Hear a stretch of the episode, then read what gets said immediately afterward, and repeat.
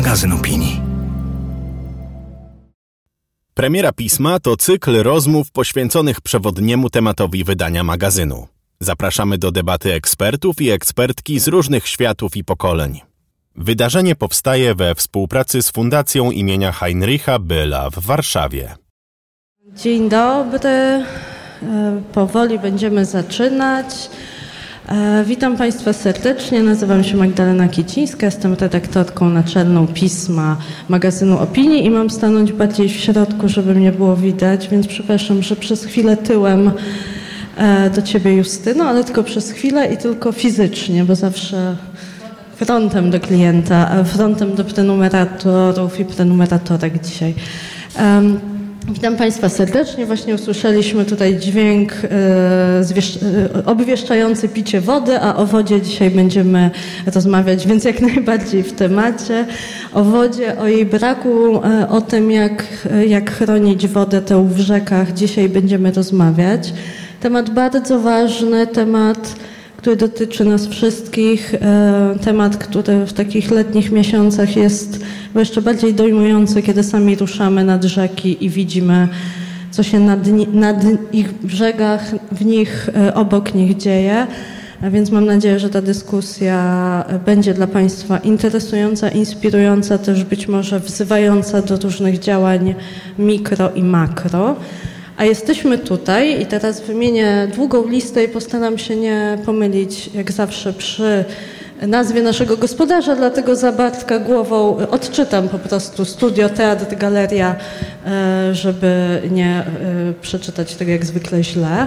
E, Nas gości o wodę i o wodę przemienioną w wino dba Bar Studio i o to, żebyśmy potem w kuluarach mogli, mogli kontynuować te rozmowy.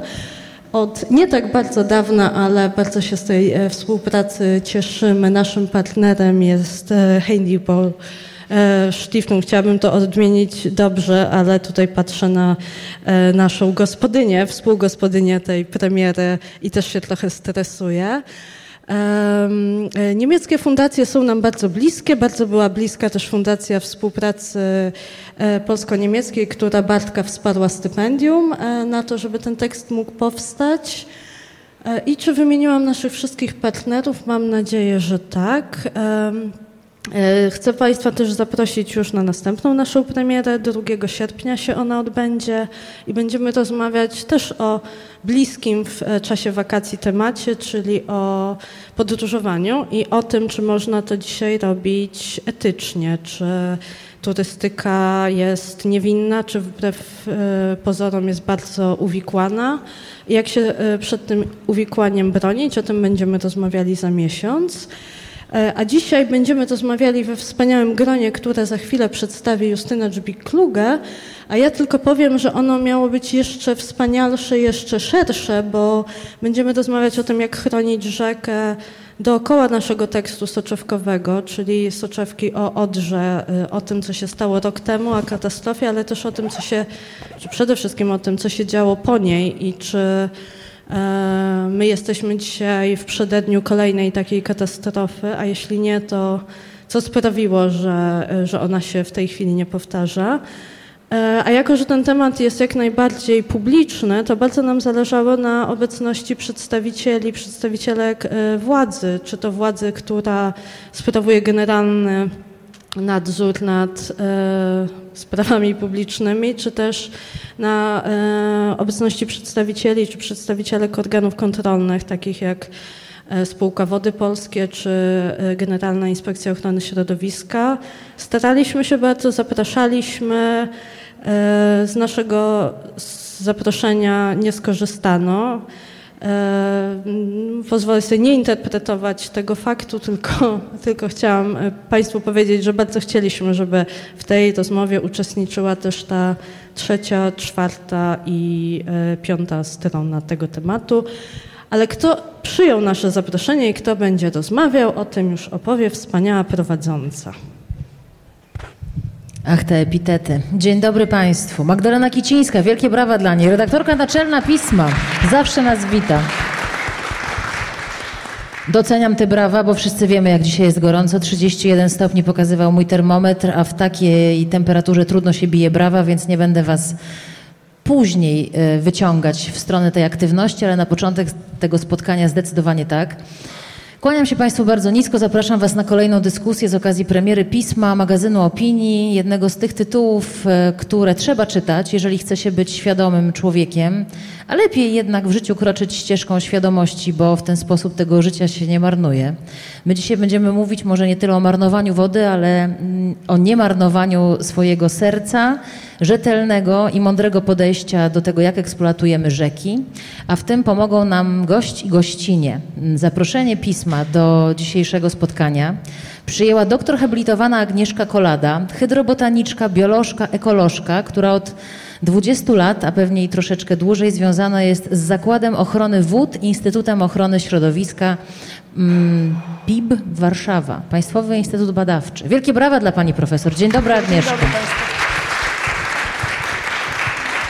Dodam, że Agnieszka była też jedną z twórczyń tego raportu, który powstał po katastrofie na Odrze, czy katastrofie Odry. Tego raportu, który z niezwykłą dziennikarską precyzją, czy tego wydarzenia, które z niezwykłą dziennikarską precyzją opisał, a także jego przyczyny zawarł w soczewce pisma, o której wspominała Magda. Człowiek, który którego powitałam mówiąc Bartek, ty po prostu już przestań pisać takie dobre teksty i takie ważne i takie potrzebne teksty, bo też musisz czasem pójść na urlop. Jeśli Państwo czytają pismo, to dobrze Państwo wiedzą, że to nie jest pierwsza soczewka pisma, którą on stworzył. Nie jest to pierwsza soczewka pisma, na pewno nie ostatnia. Nie jest to pierwsza soczewka jego autorstwa, która nas uwrażliwia na, na tę, która powinna być dla nas najważniejsza, czyli na naszą planetę, która nas karmi, żywi i łaskawie jeszcze pozwala nam tu być. Choć jak to będzie wyglądało, to niestety do końca nie możemy być przekonani. Niedawno ukazała się jego kolejna świetna książka, Wędrówka tuż. Facet, który ma bardzo mocno bijące serce dla wszystkiego, co tak w skrócie mówiąc zielone, ale też e, do fotografowania, do dziennikarstwa najwyższej próby. Bartek Sabela. Wielkie brawo. Dzień dobry Państwu. No i wreszcie wspólnie ze mną na kanapie, więc będziemy tym ciepłem do siebie najbardziej emanować, e, bo jednak każdy człowiek wytwarza trochę energii, więc będzie nam jeszcze cieplej niż tych 31 stopni, które mamy dzisiaj na termometrach. E, niezwykła osoba, przedstawicielka bardzo ważnej organizacji i bardzo ważnej instytucji, która pozwoli nam złapać taki szerszy kontekst, bo WWF Polska to jest taka organizacja i w ogóle WWF to jest taka organizacja międzynarodowa, która pozwala łapać szeroki kontekst e, tego, jak nam się żyje na planecie, jak tę planetę eksploatujemy, jak się żyje nie nie tylko człowiekowi, ale przede wszystkim przyrodzie, zwierzętom, ptakom. Ona to wie doskonale. Wie również, jak o tym opowiadać, tym najbardziej wpływowym, bo jest dyrektorką działu partnerstw strategicznych WWF Polska, a mowa o Barbarze Dąbek. Witam Cię, Basiu. Brawa dla Barbary. Dzień dobry. Witajcie.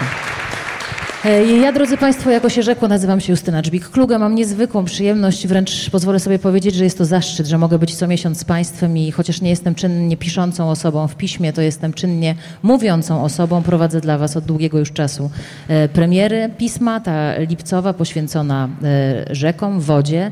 Witam Państwa, którzy są z nami tutaj w studio, Teatrze Studio Galerii, ale również tych, którzy nas oglądają, bo nasze spotkanie jest oczywiście transmitowane i będę Państwa wszystkich zachęcała do aktywności aktywnego udziału, tak jakbyśmy się razem wybrali na takie kajakowanie nad jakąś piękną polską rzekę, to dzisiaj się wybierzmy do komentarzy związanych z tym tematem. I na początek mam do Was taką prośbę, do Was, drodzy goście, żebyście zamknęli oczy i sobie wyobrazili, że jesteście nad rzeką. I żebyście powiedzieli, Basia, z czym Wam się rzeka kojarzy? Tak od razu? Czekajcie, wróćcie, no, to tylko na chwilę. Te oczy to na moment, żeby złamać, złapać e, moment. Z czym ci się, Basia, kojarzy rzeka? Kiedy słyszysz hasło rzeka, tak? Pierwsze e, skojarzenia, nie to, że szukasz, nie tam, że wertujesz strony WWF-u, nie, że mokradła, nie, że wilgoć, nie, nie, nie. Rzeka. Rzeka mi się kojarzy z życiem i z takim e, kubkiem zimnej wody w gorący dzień, tak jak dzisiaj, a wręcz kojarzy, przywołuje mi na myśl jakąś scenę z dzieciństwa, taką, gdzie moja babcia zabierała mnie, ja pochodzę z Podkarpacia, z małej wsi i gdzie zabierała mnie po prostu w swoje pole i kilka razy dziennie poiła mnie po prostu takim kubkiem wody prosto ze strumienia. Ja odwiedzam tą rzekę, Kosinkę, e, co jakiś czas. No dzisiaj nikomu nie zaserwowałabym tej wody, ale to, co przychodzi mi na myśl z takich dobrych rzeczy, to właśnie to, że woda, rzeka gasi pragnienie i jest, jest życiem po prostu. Agnieszko, a ty co widzisz, kiedy zamykasz oczy i słyszysz hasło rzeka? Poza laboratorium, danymi, tutaj badaniami. No, znaczy właśnie to, to poza dosyć mi mocno wytrąciło. Znaczy ja nie mam tak Agnieszko, romantycznie. mikrofon troszkę bliżej. Słucham? Bliżej, Czy ja nie mam tak romantycznie, bo dla mnie y, rzeka może właściwie bardziej powinnaś powiedzieć jezioro, bo ja jestem co do zasady limnologiem. Ja się całe życie jeziorami zajmowałam, ale blisko, tak? I to woda, i to woda. Dla mnie to są ekosystemy. E, Ja przede wszystkim od razu zaczynam grzebać, co tam żyje, e, bo mnie bardzo interesuje, w ogóle fascynuje mnie rola wskaźnikowa organizmów. Znaczy ja nie patrzę na wodę, tylko patrzę, co w niej żyje i przez to dopiero mogę sobie wyobrazić, jaka ta woda jest. Znaczy, dla mnie najciekawszym komponentem rzeki, czy tam jeziora, jest to właśnie, co ją zasiedla. A co żyje w polskich rzekach? Oj, bardzo dużo ciekawych rzeczy, wbrew pozorom. Bardzo dużo ciekawych rzeczy. No, Jakby cała ramówka jest posadzona na tym, że się bada, co w nich żyje. E, W różnych rzekach, w różnych typach rzek żyją różne organizmy, mają różne cechy, różną charakterystykę, e, a ta charakterystyka zmienia się nie tylko z uwarunkowaniami naturalnymi ekosystemów, ale właśnie również na skutek presji. I to jest clue tej całej zabawy.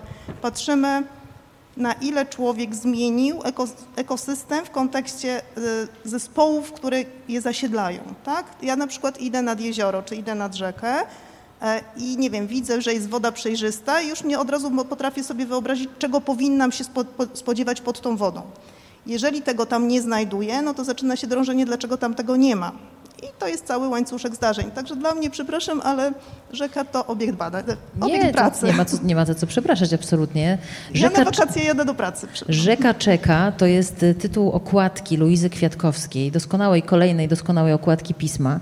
Patrz Agnieszka, tutaj są takie przeróżne stworzenia w tej wodzie i tak się zastanawiam, patrząc na tę okładkę, czy faktycznie te polskie rzeki są aż tak bogate w przeróżne Ci Od razu powiem, em, rośliny o liściach pływających bardzo niechętnie e, I się- i zasiedlają, zaczęło- i tak, ana- zasiedlają analiza. płynące wody.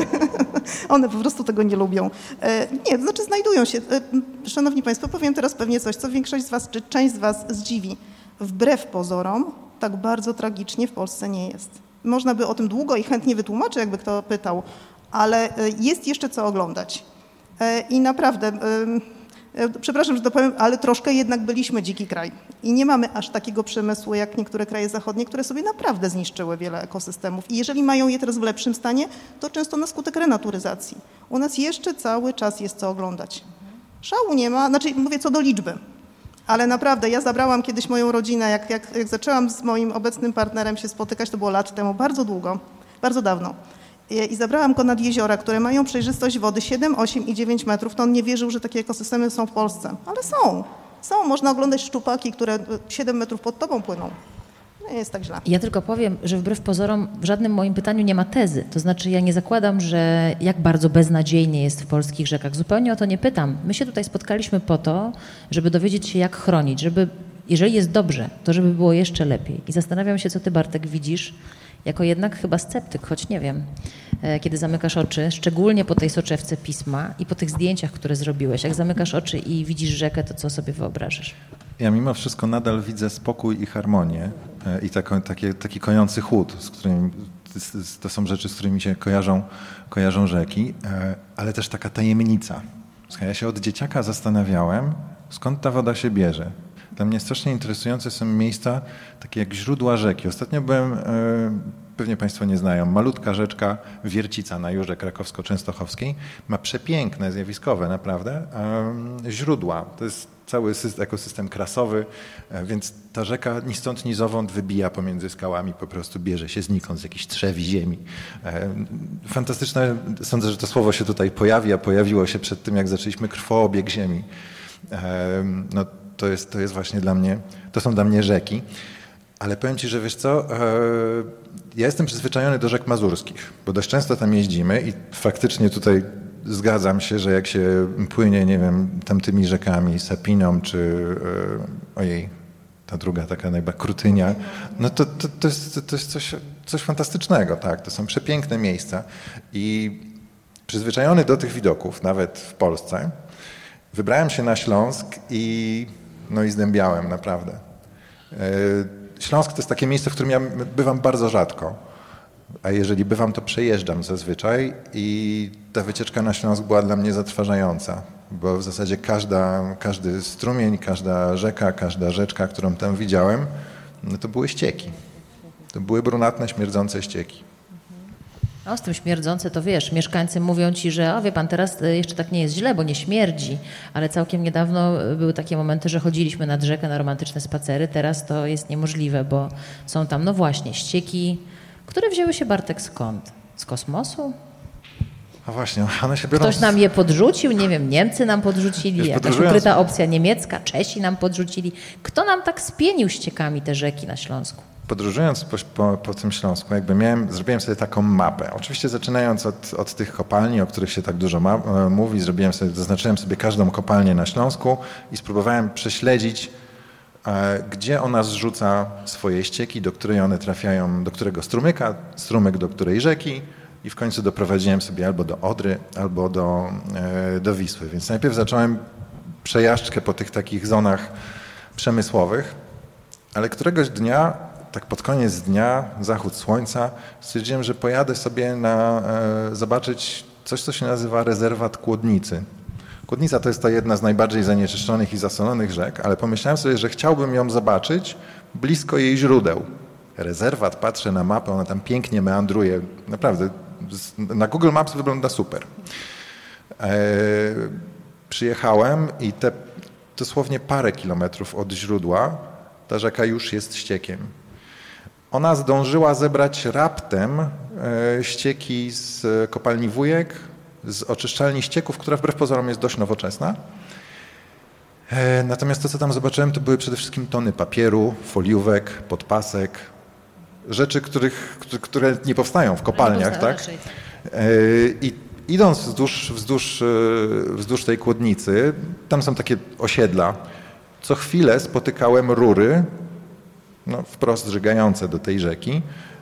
I, gdy rozmawiałem z mieszkańcami, to oni właśnie mówili, że jeszcze parę lat temu można było spokojnie przejść obok tej rzeki, a dzisiaj jeszcze i tak nie jest tak źle, bo aż tak bardzo nie śmierdzi. E, śmierdziało. I oni mówili o tym, że e, jest bardzo wiele rur, które odprowadzają nieczystości po prostu bezpośrednio z domów. No zatrzymajmy się przy tym, e, o czym powiedziałeś. Państwo pewnie pamiętają takie zdjęcia gdzieś tam dna oceanu, gdzie jest ten plastik, te foki, które mają powbijane słomki do nosa. A jesteśmy w Polsce, rozmawiamy o polskich rzekach. Agnieszka, to o czym powiedział Bartek. Podpaski, foliówki, ścieki z domów, śmieci, które wyrzucamy również nad brzegiem. Czym one są dla takiego wodnego ekosystemu? Co my robimy tej przyrodzie, która sobie tam żyje w tej rzece, czy jak jesteś limnolożką w jeziorze, co my robimy y, fundując taki zestaw? To też to pytanie takie dosyć z gatunku chyba naiwnych, bo to jest dosyć oczywista odpowiedź na to pytanie, tak? E, Znaczy ja się też z tym spotykam. E, Tak jak powiedziałam, moje, moje główne tereny eksploracji takiej codziennej to są Mazury. Także na pewno spotykam się z innym troszkę zestawem problemów niż Śląsk. No to właściwie co ja, dziewczyna z Mazowsza, mogę o Śląsku wiedzieć? Niewiele. Natomiast e, już o Mazurach trochę, trochę mogę opowiedzieć i tam dokładnie to samo, e, to samo obserwujemy. To znaczy ja nie umiem powiedzieć i nie chciałabym podejmować decyzji, czy też tutaj deklarować, od kiedy to się zaczęło, czy to jest stare zjawisko, nowe zjawisko. E, Zawsze człowiek gdzieś ścieki odprowadzał. Domki były, być może teraz, nie wiem, chętniej zabudowują się przy linii brzegowej rzek i jezior. E, Może kiedyś to było bardziej odsunięte od wód, ale to, że rury idą do jezior i do rzek, to było chyba od dawna. Nie wiem, czy skala narasta. E, No i to przede wszystkim, znaczy powiem tak, śmieci mechaniczne to jedno, to pomijając fakt, że to jest nieestetyczne, to jest jakieś tam zagrożenie, jak połknie, udusi się czy cokolwiek, ale tak naprawdę największym problemem są ładunki zanieczyszczeń, czyli dodatkowe porcje azotu, fosforu i wszystkich innych cudów które spływają z naszą kanalizacją. No to też proszę pamiętać, że w ściekach bytowych to my mamy i hormony, i mamy antybiotyki, wszystko to, co, co organizm wydala. Mamy e, detergenty. E, no, naprawdę w tych ściekach bytowych e, tablica Mendelejewa to mało. I to wszystko oczywiście no, rozcieńcza się do jakiegoś czasu. W rzekach to jeszcze jest szansa, że jeżeli nie przekroczymy jakiejś tam pojemności buforowej, to się prędzej czy później oczyści, spłynie. E, Natomiast w jeziorach jest mogiła, ponieważ to się kumuluje, kumuluje, kumuluje, aż wybucha. E, I ja powiem, Szanowni Państwo, żeśmy rozmawiali też oczywiście z miejscowymi. To jest przerażające, bo oni siedzą na ławeczkach e, nad jeziorem, do którego, w których ja, ja naprawdę nie miałam ochoty tam ręki włożyć.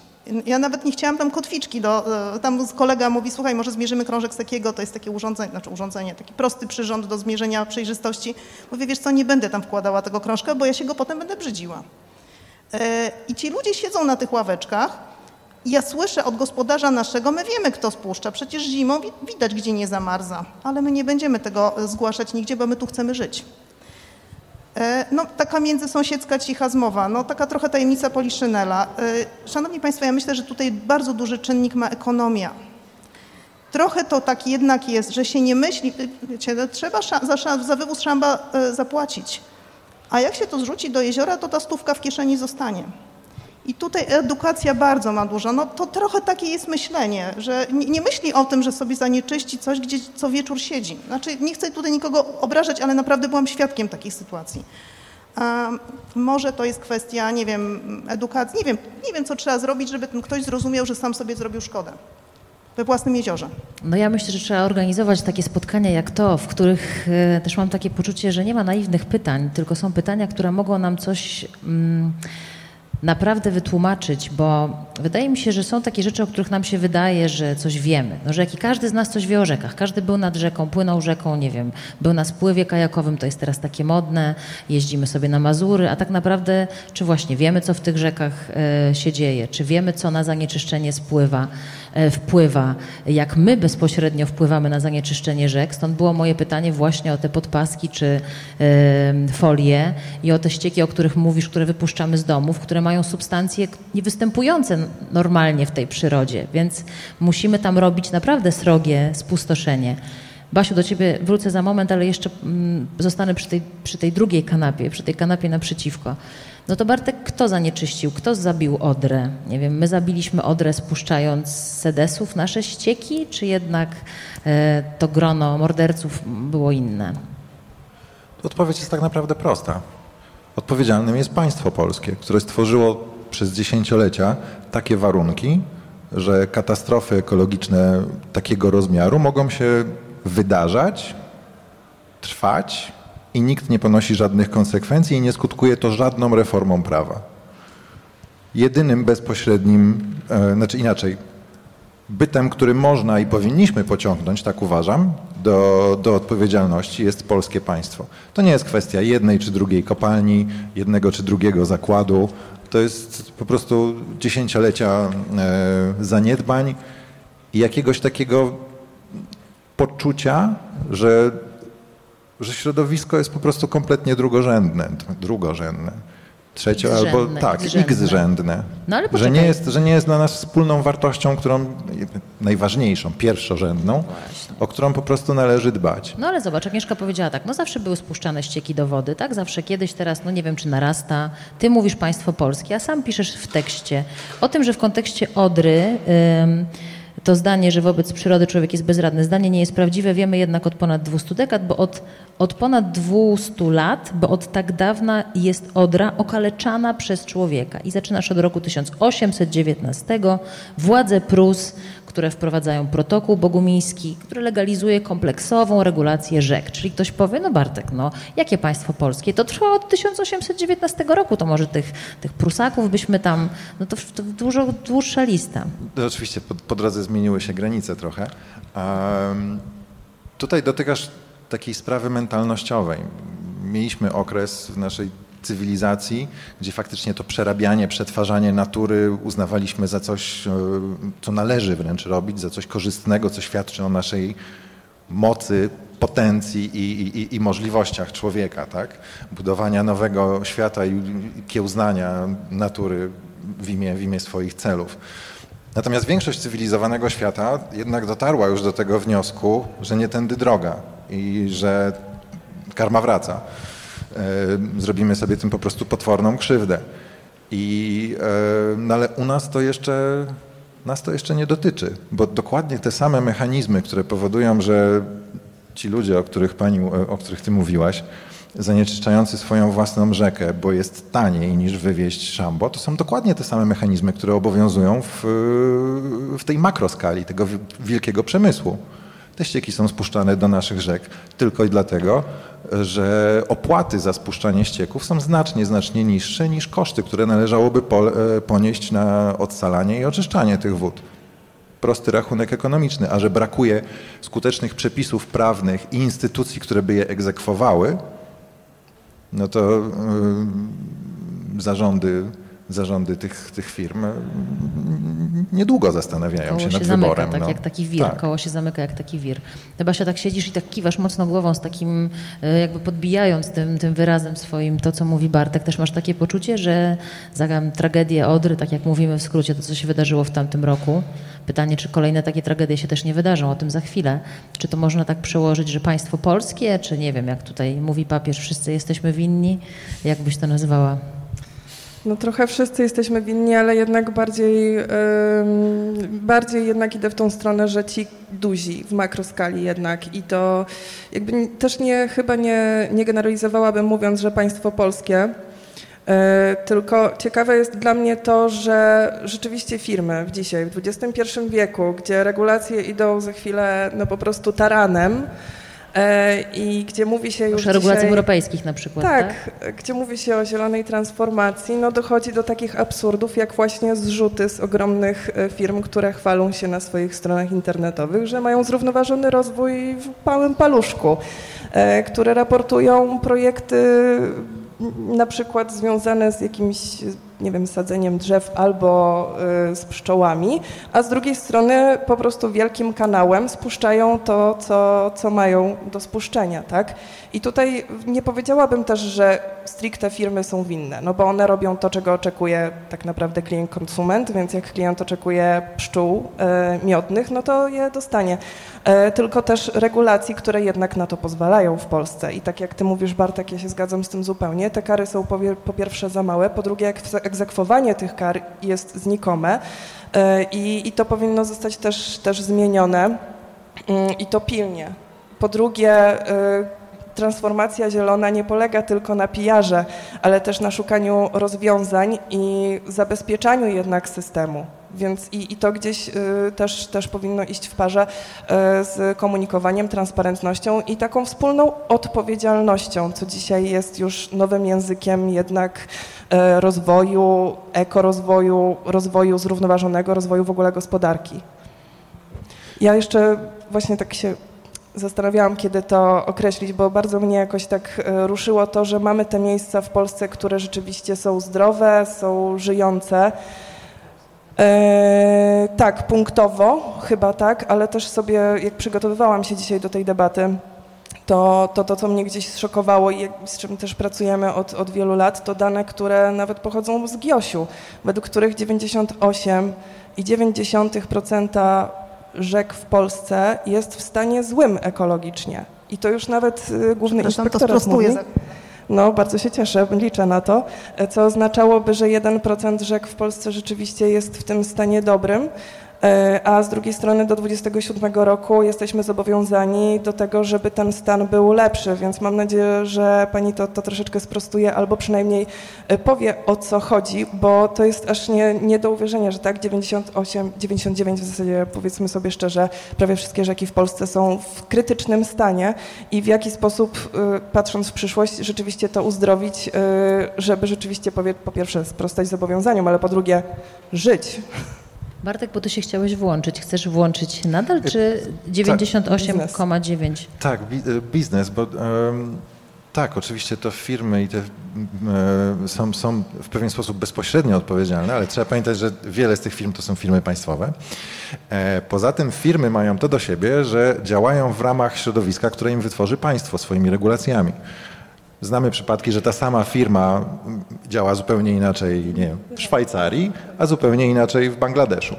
E, więc tutaj ta rola państwa, stworzenia tego środowiska jest moim zdaniem kluczowa. No, środowiska prawnego i środowiska też takiego prawnego, tak, tak, oczywiście. No ale też tak, słuchajcie, tak. mówicie o tym, co się przewija nie tylko w temacie wody, że może prawo i jest, tylko ono jest nieegzekwowane. I to jest kolejne pytanie, z czego wynika... Tutaj ta... akurat tego prawa nie ma. Dobra. E, Agnieszko, 98,9% Główna Inspekcja Ochrony Środowiska rzek jest w stanie złym. To tak jest, czy tak nie jest? Znaczy ja dwa wątki. Zanim, zanim to, to jeszcze tylko jedną rzecz chciałam e, powiedzieć e, o zasoleniu i zwrócić na to uwagę. Szanowni Państwo, ja teraz akurat mam świeżo po recenzjach, na szczęście pozytywnych, artykuł Przegląd standardów zasolenia na świecie. Ja pracuję w grupach roboczych przy Komisji Europejskiej, mam kontakt z bardzo wieloma krajami e, i również e, z e, nie tylko z Unii Europejskiej, ale również spoza i my współpracujemy ze sobą, e, wymieniając się wiedzą. E, Zrobiliśmy przegląd standardów zasolenia, jest dramat. To znaczy standardy środowiskowe na całym świecie są bardzo po macoszemu traktowane i jak się kiedyś opublikujemy nareszcie i w końcu, to polecam lekturę, bo jest tam po prostu wyciąg z dokumentów. Dlaczego tak jest? Bardzo żeśmy się skupiali przez ostatnie dekady na biogenach, czyli na fosforze i azocie, a roli soli nie było tak bardzo widać. To znaczy wydawało się, że dobra, no jest słono, ale co to szkodzi? No, jakby nie ma tego efektu środowiskowego. Jak są biogeny, to kwitną nam glony. Jest zakwit sinicowy, społeczeństwo się burzy, trzeba coś z tym zrobić. E, I w okiełznywaniu biogenów gorzej, lepiej jakoś tam sobie próbujemy radzić. Na to są przepisy. Proszę zwrócić uwagę, że e, oczyszczalnia zanim zrzuci ścieki, musi je oczyścić. Znaczy ścieki zanim zostaną zrzucone, muszą trafić do oczyszczalni i zostać oczyszczone. I to podniósł na ostatnim okrągłym stole dr Szklarek. Tutaj zwrac, znaczy od razu za- zaznaczam, że to nie jest moja autorska e, myśl techniczna, tylko to zostało podniesione przez doktora Szklarka. Bardzo słusznie. Skoro mamy obowiązek oczyszczać ścieki z biogenów, to ścieki zasolone powinniśmy mieć obowiązek oczyszczać z soli. Ale to jest coś, co zostało zauważone dopiero niedawno i naprawdę proszę mi wierzyć, Komisja Europejska problemem zasolenia zajęła się w ciągu ostatnich kilku lat, co na standardy europejskie to jest dopiero niedawno. To jest przed nami. E, I gdyby nie to, że ma, mieliśmy słonolubny gatunek, który akurat pech trafił, że jest toksyczny i wywołał śnięcie tak masowe ryb, to byśmy nawet nie zauważyli tego, że ta odra jest taka słona. Znaczy nie byłoby takiego, od, takiego drastycznego odzewu społecznego. Po prostu ta sól tam płynie od 50 lat i mało kto się tym do tej pory zajmował. E, Natomiast Basiu, chciałaś się włączyć? Włącz się, proszę. Nie, no właśnie to pani powiedziała, czy ty powiedziałaś tak, że dokładnie ta sól płynie dziesięcioleciami i nikt się tym nie zajmował, a raporty, w zasadzie dane przecież mamy dostępne od wielu, wielu lat i my wiemy, ile tej soli po prostu płynie i skąd. zawsze. I to nie, ale też to nie jest dla mnie wytłumaczenie, że dobrze wiedzieliśmy, no to niech płynie, tak? No to, to Nie, to znaczy to nie jest tak. Standardy środowiskowe dla zasolenia mamy od 20 lat. To, że one nie są dotrzymywane, ja nie chcę wchodzić dlaczego, bo jakby nie moja to rola. To jest sprawa, nie wiem, administracji, polityki. Ja nie wnikam, dlaczego ich nie mamy, chociaż opinię mam. To ja mam taką prośbę, Ale bo propos- weszliśmy w taki wątek, który chciałam poruszyć, ale nie w tym momencie jeszcze, bo jesteśmy, bo wjeżdżasz Agnieszka bardzo konkretnie i wiem, dlatego poprosiłam o tę rzekę, bo to mi pokazało, w którą stronę będą szli goście, więc wiem od początku, że ty idziesz w stronę badawczą i super, i to jest jak najbardziej twoja rola i tego o to będziemy pytać, ale być może państwo nie wiedzą o to z tym, z tym zasoleniem chodzi, może tego nie, nie pamiętacie, bo to jest wszystko w tekście Bartka i to się wiąże z e, tragedią Odry, ale ja wrócę. To w jakim stanie są polskie rzeki? teraz ten 98,9% mówi gość, Cini, Główny Inspektorat Ochrony Środowiska. Zły stan. To w jakim mamy chronić rzeki? To mamy chronić je bardzo, bo są w złym stanie, czy troszkę, bo sobie świetnie radzą? Nie, nie, one sobie świetnie nie radzą, ale szanowni państwo, ja też na ten temat te, sporo tekstów napisałam i też do znalezienia w przestrzeni publicznej. E, proszę pamiętać, że e, to też chciałam sprostować, to nie chodzi o zły stan e, ekologiczny, tylko zły stan. A na zły stan składa się stan ekologiczny i stan chemiczny. To tak trochę podręcznik ramowej dyrektywy wodnej. Stan ekologiczny to jest ten stan, o którym mówią, nie wiem, jak sobie żyjątka radzą, ile jest biogenów, jaka jest przejrzystość, jakie jest natlenienie i stan elementów biologicznych, czyli zespołów organizmów. Stan chemiczny to jest ściśle określona lista substancji ze ściśle określonymi wartościami, których nie wolno nam przekraczać. To są sub- substancje, których nie chcemy w środowisku, które są antropogeniczne i nie powinno ich w wodzie w ogóle być. Tak bardzo upraszczając. I teraz y, cała gama wskaźników, która składa się na ocenę wód, to jest ponad 100 wskaźników. I działa zasada one out, all out. Wystarczy, że jeden wskaźnik przekroczy standard i mamy załatwioną ocenę, bo jest czerwona. Czyli są takie sytuacje, a ja sobie też zadałam trud, żeby różne rzeczy pofiltrować, zresztą pracuję z tymi danymi od kiedy pracuję w ogóle w, życiu. E, Szanowni Państwo, jeśli, proszę mnie sprostować, jeżeli coś źle pofiltrowałam albo jakąś złą analizę zrobiłam, ale spośród ponad 2000 jednolitych części rzek, rzek ocenionych w e, ostatniej sześciolatce, 200 miało dobry albo bardzo dobry stan ekologiczny i przekroczenie jednej substancji chemicznej, benzopirenu, który się dostaje z powietrza. I na mapie było czerwono, bo tu nie ma jakby Ale miejsca na znów, mówisz o danych. Co to dla nas znaczy? To znaczy, że y, kolor czerwony na mapie, czyli zły stan wód danej rzeki bądź jeziora, może, choć nie musi, wynikać z przekroczenia standardu dla jednej, jedynej substancji. Jasne, I ale nie zawsze to musi być bardzo miarodajne, bo na przykład może to być kumulacja jakiegoś pestycydu albo substancji w tkankach małży, które się po prostu kumulują i są nie do usunięcia z, w szybkim czasie z ekosystemu. Ja mówię o skrajnych przypadkach w tej chwili oczywiście, ale to tak może być, że jedziemy nad wodę, nic się złego nie dzieje, mamy przekroczenia stwierdzone, bo w tkankach organizmów coś się Super, i to rozumiem. To jest jasne, tak? Że mamy jakiś zestaw, jakiś spektrum po prostu e, rzeczy, które trzeba odhaczyć. Odhaczone jest jedno, od razu mamy czerwone. No ale skupmy się, że jest to jedno. Mówisz o tym benzopirenie, które jest z powietrza. Co to dla nas znaczy? To znaczy, że tej jednej substancji pakujemy do tej wody za dużo. Bo małże, rozumiem, są... No bo jak z powietrza, to też czyje to jest działanie, Ale tak? to, nie, to nie z małży, w małżach się benzopiren nie, nie będzie. Ja tylko No nie, chciałam, znaczy, chciałam to jako powiedzieć, przykład. że jest gama cała stanów ekologicznych. E, I tak jak ja od lat pracuję, to jest trochę taka zasada, że tych stanów bardzo dobrych i dobrych mamy ekologicznych mówię, nie, nie wnikam w stan chemiczny, który może być tym jednym przekroczeniem. To jest tak 10, kilkanaście procent e, części wód w Polsce, których mamy kilka tysięcy. Mamy dosyć dużą pulę takich, takich wód, które są w stanie umiarkowanym, tak? czyli oceny mówią, że tak, tam się coś e, dzieje niedobrego. Ale z czego to wynika? Czy to wynika z tego, że ekosystem sobie tak radzi, w sensie ten, bo my też jesteśmy częścią tego ekosystemu, więc czy to wynika z działalności człowieka, takiej Zawsze. lub... E, O to Przepraszam, pytam. to chciałam, to, to jest, to też, e, ja szczerze mówiąc byłam dosyć zszokowana, z, przepraszam za określenie, zarzutem do raportu, że tam nie zostało powiedziane, że to jest wina człowieka. Znaczy to mi się wydawało tak absolutnie oczywiste, że aż banalne, że nie trzeba tego pisać, ponieważ definicja stanu ekologicznego jest taka, że to jest miara działalności człowieka. Jeżeli jest napisane w raporcie, że stan e, Odry jest zły, stan ekologiczny Odry jest zły i chemiczny jest zły, to już z definicji wiemy, że to jest z winy człowieka. Bo jeżeli byłoby to coś naturalnego, to nie mogłoby być stanem złym. Więc powiem szczerze, że w ogóle ta cała dyskusja, że to czy człowiek winny, czy niewinny, to mi się wydaje aż naiwna. Ja, ja inaczej odebrałem tą dyskusję Dla, i Ja też, też. też raport. No, w ogóle nie miałem, nie powstało nawet w głowie takie pytanie, czy to z winy człowieka.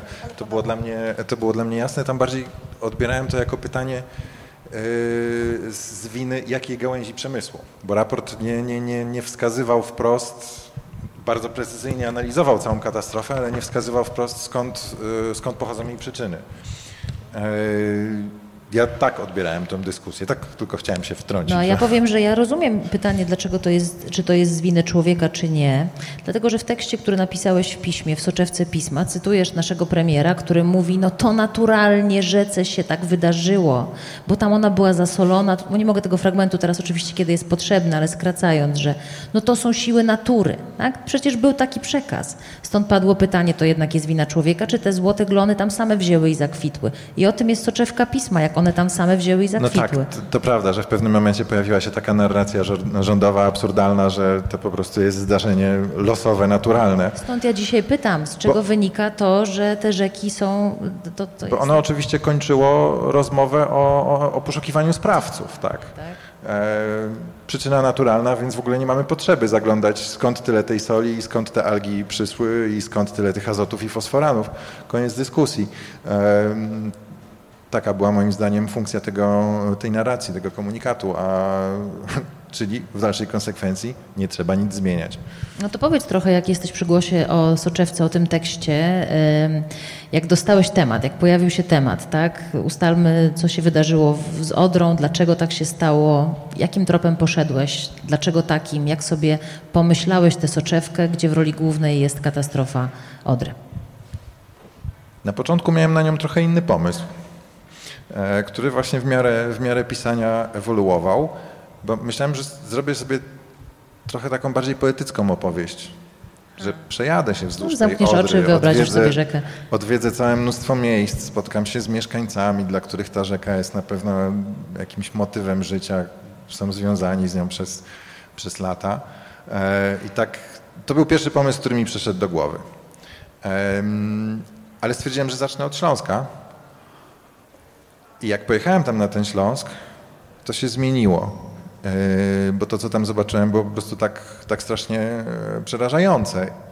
A jak zacząłem grzebać w tych wszystkich przepisach prawnych, w tym, jaki jest niesamowity bałagan kompetencyjny i organizacyjny i prawny, no to doszedłem do wniosku, że jakby nie trzeba już jechać w dół rzeki. Mm, Że to, co się, to, co się wydarzyło z tą rzeką, można opisać yy, w kontekście Śląska tak naprawdę. E, Oczywiście to w pewien sposób nie, wyczerpuje całej problematyki, ale jakby to, co tam znalazłem, było tak ogromne, e, że stwierdziłem, że temu poświęcę cały materiał, a ponieważ wiedziałem, że w numerze i w numerze specjalnym będą też inne materiały o wodach i rzekach, e, to pomyślałem, że ja powinienem się, się skupić na tym problemie, ale jeszcze przypomniało mi się, o, o, o soli chciałem powiedzieć. Faktycznie no, ta sól się pojawiła niedawno, ale nie do końca. Bo ja e, cytuję w, w reportażu badania, no, nie, nie przypomnę teraz nazwiska, ale jest to w reportażu, bodajże z lat 60., kiedy już e, naukowcy mieli świadomość tego, e, bardzo dużą tego problemu, już były policzone ilości tej soli, które trafiają, e, trafiają do rzek. E, Ba, później w latach 80. przecież zbudowano e, ten pionierski, do tej pory jedyny system odsalania em, wód dołowych, e, czyli sól, w przepięknej miejscowości Czerwionka Leszczyny. Więc już wtedy o tym myślano. Ba, e, e, e, będąc tam, w tym zakładzie, e, oprowadzał mnie dyrektor Dariusz Leśnik. Wspominał mi o ciekawej inicjatywie, która niestety została na, na, gdzieś tam na, na półce z pomysłami, odprowadzania wód dołowych bezpośrednio do Bałtyku. Było coś takiego. Więc to świadczy o tym, że no, dostrzegano problem. I myślano też o, na szereg różnych sposobów o, o, o jego rozwiązaniach. Pytanie powstaje, dlaczego to w latach 80. zbudowano e, system odsalania kopalni Budryk i drugi też, też no nie odsalający, ale retencjonująco dozujący system, system OLZA. Później już takie inwestycje nie, po, nie powstawały e, i obecnie prawo nie zmusza w żaden sposób zakładów przemysłowych, głównie kopalni, do odsalania tych ścieków. Jedno z pytań, które Państwo znajdą na, em, na wydarzeniu, w którym bierzecie udział, w opisie wydarzenia w mediach społecznościowych, to jest, czy do tej tragedii mogło nie dojść? To znaczy, czy można było tej tragedii uniknąć, tego, co się stało z Odrą? Basiu, można było tego uniknąć, czy nie?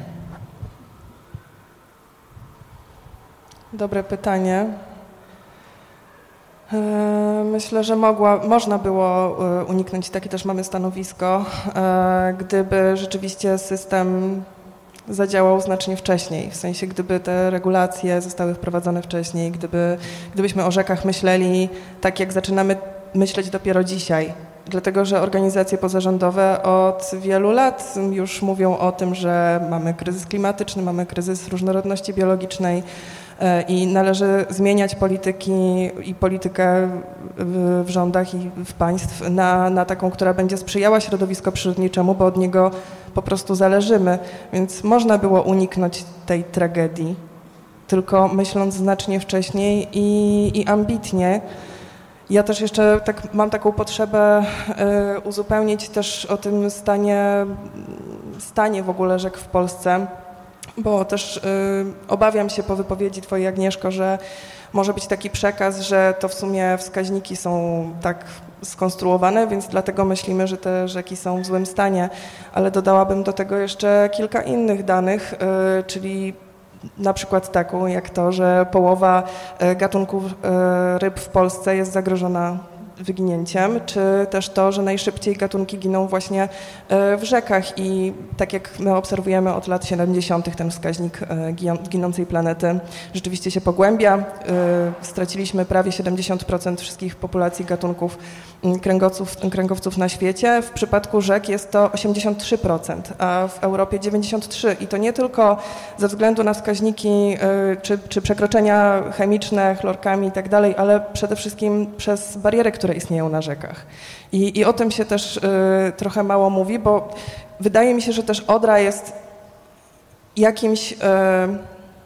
Nie chcę, żeby to też jakoś źle zabrzmiało, ale jest jakąś okazją i ta katastrofa na Odrze jest momentem, w którym możemy dokonać, jest jakimś punktem zwrotnym, gdzie możemy zacząć mówić o rzekach, y, może się odczepić trochę od Odry, zasoleń, kto jest winny, a kto nie, ale pomyśleć faktycznie o rzekach jako żyjącym ekosystemie w ogóle w, w Polsce. I gdybyśmy na przykład przenieśli zarządzanie jednak rzekami do właściwego organu, no to sytuacja mogłaby się potoczyć inaczej, bo patrzylibyśmy na rzeki jako rzeczywiście ekosystem, który daje życie, a nie infrastrukturę do zbudowania, zburzenia, mm, jakiegoś zarządzania chemią i tak dalej.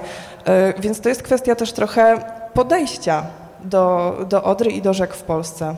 Mm, Trzeba sprostować chyba, bo mhm. słuchacze mogą nie wiedzieć. Ja też o tym nie wiedziałem wcześniej, że wody polskie, które odpowiadają za administrowanie naszymi rzekami, są częścią Ministerstwa Infrastruktury. Czekajcie, do tego, czyje są rzeki, dojdziemy. To jeszcze też. Ale najpierw Agnieszka, e, czy mogło nie dojść do tej tragedii, która się wydarzyła z Odrą? Mówiąc nawet bardziej brutalnie, czy mogło się tak zdarzyć, żebyśmy tej Odry nie zabili? Bo eksperci mówią, że ona została zabita i że ona się długo nie odrodzi, o ile w ogóle. I czy będą kolejne Odry? Skoro tak wiemy o tym zasoleniu i tak wszyscy te wskaźniki jakoś tam no patrzymy, no ale co możemy z nim zrobić? Skoro lat 80. niby się o tym mówi, że coś powinno się z tym zrobić, ale się nie robi, no to rozumiem, że będą kolejne takie sytuacje. Czy można było uniknąć? To jest kwestia skali. Znaczy, już chciałam tutaj podkreślić, że ja się, ja się absolutnie tutaj z Tobą zgadzam co do. E, znaczy, ja mm, być może mam trochę problem z moderowaniem przekazem. Ja po prostu mam, mam e, potrzebę bycia bardzo precyzyjną, nie zwracając uwagi na to, czy to tak wybrzmi, czy takie są fakty. Ja po prostu lubię mówić o faktach, a jak sobie kto tam będzie interpretował, to inna sprawa. Natomiast i to pewnie błąd. Natomiast czy można było uniknąć? To jest wszystko kwestia, o, o jakiej skali czasowej mówimy. E, ja bym raczej zapytała, w jakich sytuacjach można by było uniknąć? No prawdopodobnie w takich, gdyby, gdyby Odra nie miała zasolenia większego niż tysiąc, znaczy gdybyśmy go ją mieli słodszą niż tysiąc mikrozimensów, tak bym rzuciła no, mniej ale więcej. przecież to jest monitorowane, tak? No Rzeki jest, ale, w Polsce ale moni- są monitorowane. Monitoring nie naprawi rzeki. My to wiemy, jak, jaka ona jest, ale to nie monitoring ją naprawia. Dobra, teraz będzie naiwnie, przepraszam, ale na sekundę. Jest jednostka odpowiedzialna za rzekę. Ustalimy za chwilę, która, bo widać, że to nie jest takie oczywiste. Monitorują naukowcy sytuację w wodzie, tak? Mówią, cholera, zasolenie nam rośnie, zróbmy coś z tym. Dzwonimy do szefa kopalni Halemba, mówimy, zrobicie takie zrzuty, widać, że od was idzie tyle tych substancji. Kto dzwoni? Dobra, ale niech ktoś mnie poprze, że jakby logiczne myślenie, tak? Dzwonimy, mówimy, hej, za dużo jest tej substancji, jak nie przestaniecie, to nam się wydarzy tak i tak. XXI wiek na Boga, są aplikacje, które pozwalają sprawdzać, czy dana woda jest czysta, czy nie, czy ludzie się mogą tam kąpać, czy są sinice. No technologia nam pomaga, tak? A idzie ta fala śniętych ryb i ona sobie idzie do tego samego Bałtyku, nikt nic nie robi, tony rosną. Bartek pokazuje tutaj tabelkę, jak rosły tony tych ryb. To gdzie jest ten człowiek, który tak pięknie tamy pobudował i tak uregulował te rzeki? W momencie, jak ta rzeka sobie tak umiera, a człowiek mówi, o wiedzieliśmy, że było tam trochę tej soli, no ale nie było gdzie zadzwonić. Znaczy, ja nie bardzo wiem, kto miałby zadzwonić i, i komu co nakazać, bo to jest już, wchodzimy jakby w takie kompetencje, e, nie wiem, proszę mnie te, też o to nie pytać, bo e, absolutnie ja nie jest... szeroko, no mhm. przecież jesteście tu we troje, Bartek. No to, to, to ja zaraz opowiem, bo to, no opowiedz, to, to bardzo no, dobre gdzie pytanie. dzwonisz, no, no to opowiedz. No. Tylko mi się jeszcze na wstępie jeden taki obrazek, który mi się przypomniał teraz, bo tak mówimy o tym zasoleniu, ażeby złapać skalę, która dla mnie była też absolutnym zaskoczeniem. E, wiecie, ile soli odzyskuje ten jeden, jeden jedyny zakład odsalania z jednej z kilkunastu kopalń, e, które funkcjonują na Śląsku w skali roku. To jest sól, którą można sobie solić zupę. Można ją kupić. Sól dębieńska w takich, ja ładnych, w takich ładnych niebieskich opakowaniach. Bardzo czysta, tak przynajmniej twierdził pan, doktor, pan dyrektor Leśnik. E, 35 tysięcy ton soli w skali roku z jednej tylko kopalni. E, Tą akurat mogę sobie osolić zupę. Ze wszystkich innych kopalni ona jest spuszczana do Wisły i do Odry. Jeszcze wytłumacz Bartek, dlaczego to jest odsalane, bo może Państwo nie wiedzą. Chodzi o to, że ono jest odsalane, bo to jest słodkowodny zbiornik, tak? Po to, żeby tej soli tam nie wpuszczać i to jest substancja, która za- jest no jakby... y, y, cel za tym stojący był taki, że no, rzeki są słodkowodne, a pompujemy do nich mnóstwo słonej woli, e, z wody, do czego ekosystem nie jest przyzwyczajony i, i, i, i żyjątka tam e, funkcjonujące po prostu tego nie wytrzymują w pewnym stężeniu.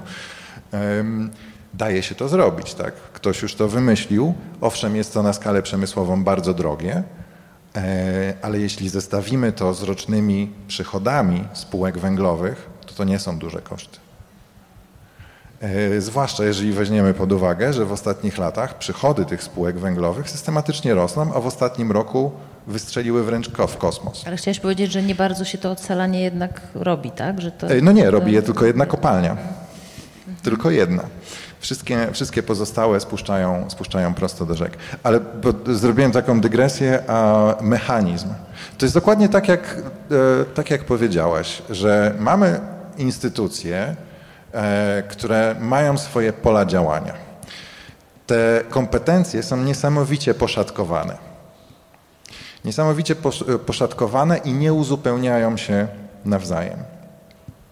Bo zaczynamy od tego, że Wody Polskie, czyli to, to ciało nadrzędne jest w Ministerstwie Infrastruktury, a nie w Ministerstwie Środowiska. Generalna Dyrekcja Ochrony Środowiska, jej inspekcja, to już jest Ministerstwo Środowiska. Pod wodami polskimi mamy szereg różnych regionalnych zarządów RZGW, Regionalne Zarządy Gospodarstwa e, Wodnego, czy wodą jakoś tak.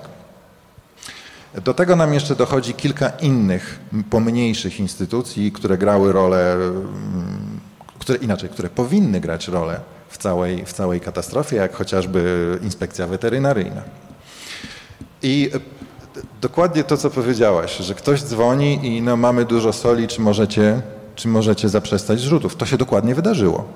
GDOŚ, czyli Generalna Dyrekcja Ochrony Środowiska, w pewnym momencie pod koniec sierpnia wystosował pisma do e, kopalni i do zakładów przemysłowych z prośbą.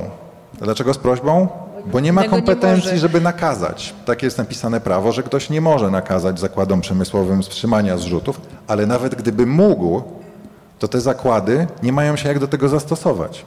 Dlaczego? Bo e, w przypadku kopalni chociażby wody są odpowypowa- odpompowywane 24 na 7 cały czas. Zaprzestanie odpo- odpompowywania grozi poważną katastrofą, zalaniem pokładów węgla e, i pracujących tam ludzi. E, Więc tą wodę trzeba odprowadzać non-stop, niezależnie od, od, od stanu rzeki, który raz jest niski, a raz jest wysoki. A ilość e, tej wody z kopalni jest mniej więcej stała w skali roku.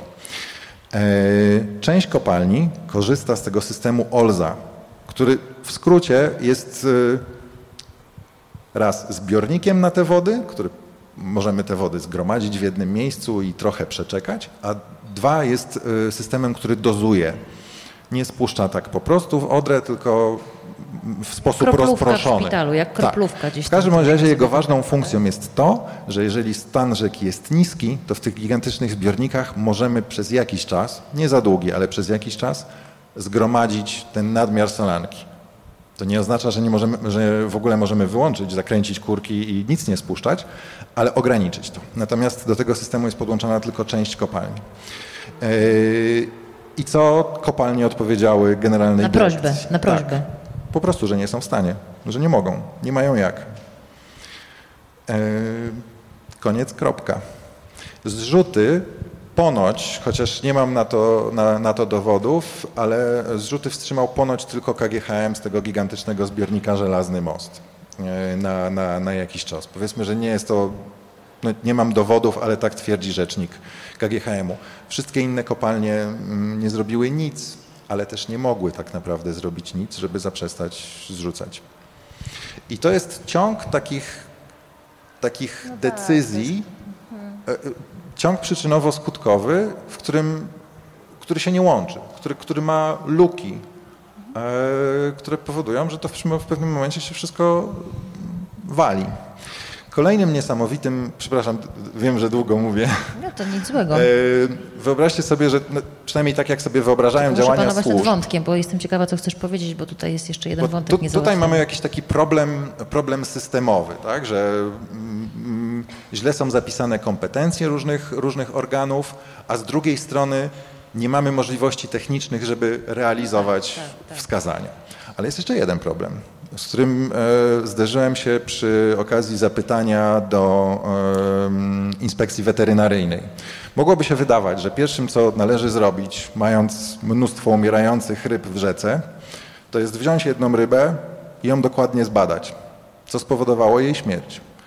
Za coś takiego odpowiedzialna jest, odpowiedzialna jest inspekcja weterynaryjna. Tak. No więc zadałem pytanie, kiedy pobrano pierwsze próbki Ryb do badań, ryb co im się do stało. badania i czy zrobiono badania histopatologiczne, czyli po prostu rozkrojono tą rybę i zbadano, co jest w środku. Zrobiono to dopiero 12 sierpnia. Katastrofa rozpoczęła się 26 lipca, ponad dwa tygodnie. A czemu tak dopiero? To jest pytanie, które zadałem, bo nie dostaliśmy żadnego zgłoszenia. A od kogo Jakby miałoby być to zgłoszenie? Ręce opadają. Ręce opadają i nie mam więcej pytań, tak? Czyli No dobrze, to- inspekcja no tak. weterynaryjna czekała, aż ktoś do niej zadzwoni i powie, słuchajcie, weźcie próbki. Jeśli jest, Jest na sali ktoś z inspekcji weterynaryjnej, to chętnie pogadamy o tym, Ja ale tak nie, nie się uśmie... też odnieść do tego. Tak, tak, ja bym bardzo chciała, żebyś się Agnieszka odniosła, bo na przykład wła- właśnie mówisz, no, kto miałby zadzwonić? Zakład Ochrony Wód, Instytut Ochrony Środowiska. Wy nie robicie takich rzeczy? Nie, to, to nie jest zupełnie nasza kompetencja. Jest jeszcze jest Instytut, kwestia- e, przepraszam, jeszcze jest Instytut e, Rybactwa Śródlądowego też. Śródlądowego. to Znaczy my adwocem- funkcjonujemy trochę, znaczy nie, nie, jakby nie, nie urażając e, uczelni, ale trochę jak uczelnie, tak? To znaczy taka jest nasza rola badania i powiem szczerze, jeżeli mamy zadzwonić, to jako obywatele. To nie jest tak, że jakby jest to w jakiś sposób wpisane, no jakby nie chciałabym tutaj w te, w te wątki. Natomiast chciałam się odnieść do tej kwestii dzwonienia, wstrzymywania, wstrzymywania zrzutów i tak dalej. E, Ale my cały czas mówimy o sytuacji już po katastrofe, znaczy po zadzianiu się pewnych rzeczy. Pamiętajmy o tym, Szanowni Państwo, że jak się działo to wszystko, to służby biegały, przepraszam, wzdłuż rzeki, pobierały próbki i szukały substancji chemicznej. Przecież y, y, hipoteza złotej algi była traktowana bardzo długo jak science fiction. To zanim my żeśmy się jako społeczeństwo, my jako, jako ludzie zorientowali, że to jest glon, czym nam bardzo Niemcy pomogli, to prawda. Zidentyfikowali, że to faktycznie był ten glon. Zorientowali się, że to jest toksyna e, i że sól miała w tym cokolwiek, z tym cokolwiek wspólnego, to już dawno było po tej katastrofie. No właśnie, ale ja dlatego pytam, że przecież siedzimy sobie tutaj, my tu sobie siedzimy, rozmawiamy, a tam ktoś monitoruje polskie rzeki, prawda? No I na tak. przykład, przepraszam, no i teraz w tamtym roku jakby lubię to powiedzenie, Polak mądr po szkodzie, bo ono niestety jest bardzo adekwatne do wielu sytuacji, z którymi się spotykamy. Ja na przykład mieszkam w Warszawie na takiej ulicy Sokratesa, na której zginął człowiek, bo zabił go rozpędzony wariat w BMW i teraz ta ulica jest świetnie w Warszawie e, zagospodarowana, są zrobione ścieżki rowerowe, tylko musiał tam zginąć człowiek. I teraz, w tamtym roku zabiliśmy Odrę. Jest bardzo ciepło, za chwilę znów będzie ciepło, znów będzie niski stan rzek. Co zrobiliśmy w ciągu roku, żeby to się nie powtórzyło? I kto z Państwa chciałby mi na to pytanie odpowiedzieć? Zanim dojdziemy do tego, to jest jeszcze jeden bardzo ważny kontekst, kontekst, bo z naszej rozmowy wynika, że to jakby gruchnęło pod koniec lipca i wszyscy byli tym zaskoczeni, a to nie jest prawda. Bo e, służby miały bardzo dużo czasu na reakcję, bo pierwsze przypadki pomoru ryb w kanale Gliwickim to jest początek marca zeszłego roku. I to nie są pojedyncze ryby, to są już ryby wyławiane w tonach. I przez e, od marca tak do, do końca lipca, 4 miesiące, e, nikt z ani, ani WIOŚ, ani e, pozostałe urzędy, ani mm, Wody Polskie nie jest w stanie stwierdzić, co zabija ryby. 4 miesiące. Ale potem Niemcy przychodzą i mówią, że algi, dobra. Nie, no to trochę już bez dopiero w bez sierpniu. żartów. I teraz mamy No analogiczną no są sytuację cztery- tak naprawdę. Ale znów, ale Agnieszka, do ciebie serio pytanie. Jest to pytanie niepodszyte naprawdę i do, do ciebie, Basiu, też jako do organizacji, która zajmuje się e, od lat przecież no, monitorowaniem też działań rządu, rządów na rzecz ochrony, ochrony środowiska. Mamy chronić środowisko. To monitorujemy te rzeki, jesteśmy w stanie przewidzieć, jaka tam jest teraz sytuacja, jakie jest zasolenie, czy znów... Znów wiemy wszystko. No i Teraz wiemy wszystko. Naprawdę? Proszę bardzo. To znaczy, nie, oczywiście, że nie. e, To też, szanowni państwo, pamiętajmy o tym, to jeszcze raz powtórzę. E, Wiemy o substancjach i organizmach, których szukamy. Jak czegoś nie szukamy, to tego nie znajdziemy. No jak się idzie do laboratorium z próbką krwi, to się oznacza te parametry, które są na liście, tak? A, a jak nie wiesz, czego szukać, to tego nie szukasz. no już wiemy po tamtym roku, No że teraz wiemy, dlatego no, powiem tak, no dopóki się nowy organizm nie pojawi, bo tu jeszcze też to nie padło, co jest bardzo ważnym, e, ważnym wątkiem w tej całej historii, to jest kwestia inwazji pewnych gatunków e, w zmieniającym się środowisku.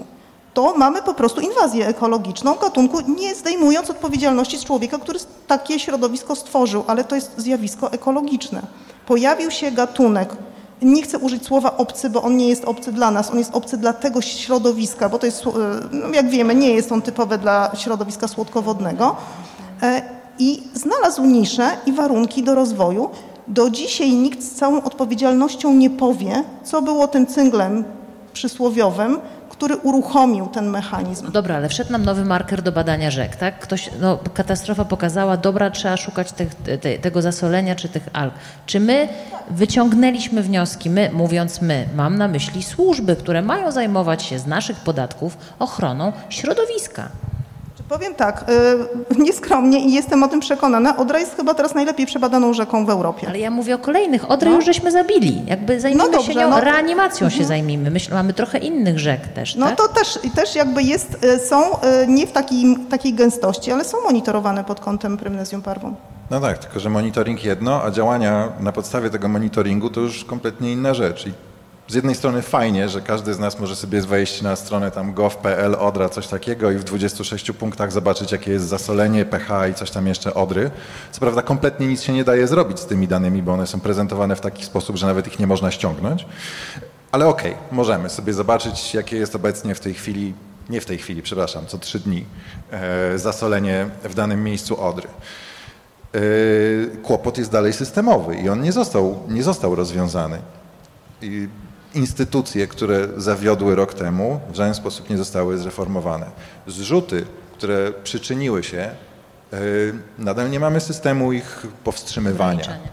Em, Prawo nie zostało naprawione.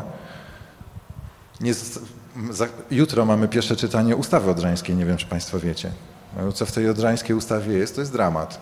Jakby wszystkie zalecenia, e, które, które padały ze strony WWF-u, Greenpeace'u, e, Komisji Europejskiej, e, Polskiego Towarzystwa Hydrobiologicznego, tak? Nie przekręcam nazwy? Dobrze. Właśnie, przepraszam, to jest długa nazwa i czasem bałem się, że się pomylę.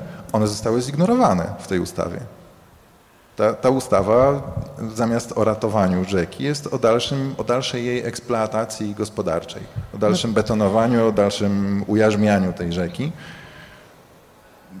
No więc no, no fajnie, że wiemy, jakie jest, jest No zasolenie, ale co z tego? Słowo od tych, którzy zostali zignorowani. E, No właśnie, ignorowani w sumie przez wiele lat, e, bo od kiedy ja pracuję w WWF od 2016 roku o rzekach e, mówimy dosyć głośno i co powinno się zmienić, a katastrofa na Odrze jest takim trochę katalizatorem i jedyną chyba okazją od 20 lat, kiedy możemy mówić o rzekach, odnajdując pewien konsensus, że rzeki należy chronić i że y, pozwolenia wodnoprawne nie są ochroną przyrody i nie są ochroną rzek.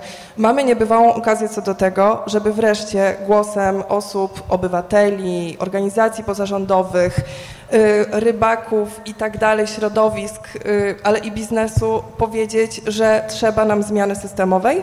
I my przez ten rok odrobiliśmy zadanie i połączyliśmy siły z innymi organizacjami pozarządowymi jak Client Earth, Greenpeace i, i tak dalej i stworzyliśmy Białą Księgę Polskich Rzek, w której szczegółowo są wymienione wszystkie zmiany, które należy wprowadzić, które są po prostu o tak y, do wprowadzenia może w, kilku, w kilka lat, ale powiedzmy sobie szczerze, mamy to zadanie odrobione. My jako organizacje, jako obywatele wysłuchaliśmy wszystkiego, co trzeba, prze, prze, przebadaliśmy sprawy i po prostu należy to wdrożyć. Jest to kwestia systemowa i właściwie to mamy też okazję jesienią co do tego, żeby wyegzekwować wprowadzenie tych zmian. Więc wszyscy na wybory. E, Druga sprawa. To, czym zajęliśmy się też przez ten rok, to jest e, kwestia w ogóle odbudowy, czy raczej renaturalizacji, a jeszcze inaczej przywrócenia życia Odrze. 47% y, wszystkich życia w Odrze w zasadzie padło, więc trzeba to w tym momencie jakoś przywrócić. Najlepiej stosując rozwiązania oparte na przyrodzie i takie rozwiązania są stosowane na świecie. Też wystarczy po prostu zainwestować konkretny strumień, pociągnąć do odpowiedzialności tych, którzy nie są pociągnięci i da się to zrobić. Również zapraszając do dyskusji organizacje, które zajmują się tym od wielu lat, takie jak na przykład my. I trzecia sprawa, to jest system społecznego monitoringu, e, który my też e, rozpoczęliśmy w sumie projektem pilotażowym jakieś 7 lat temu. Mam na myśli projekt, który nazywa się Strażnicy Rzek WWF. Jest to taki system wolontariacki, w którym angażujemy społeczność całej Polski do tego, żeby monitorowały, sprawdzały, co się dzieje na ich rzekach lokalnych. I sprawa wygląda tak też, że my przez wiele lat monitorowaliśmy, sprawdzaliśmy, jak wygląda w ogóle sytuacja, jeśli chodzi o bariery głównie na rzekach.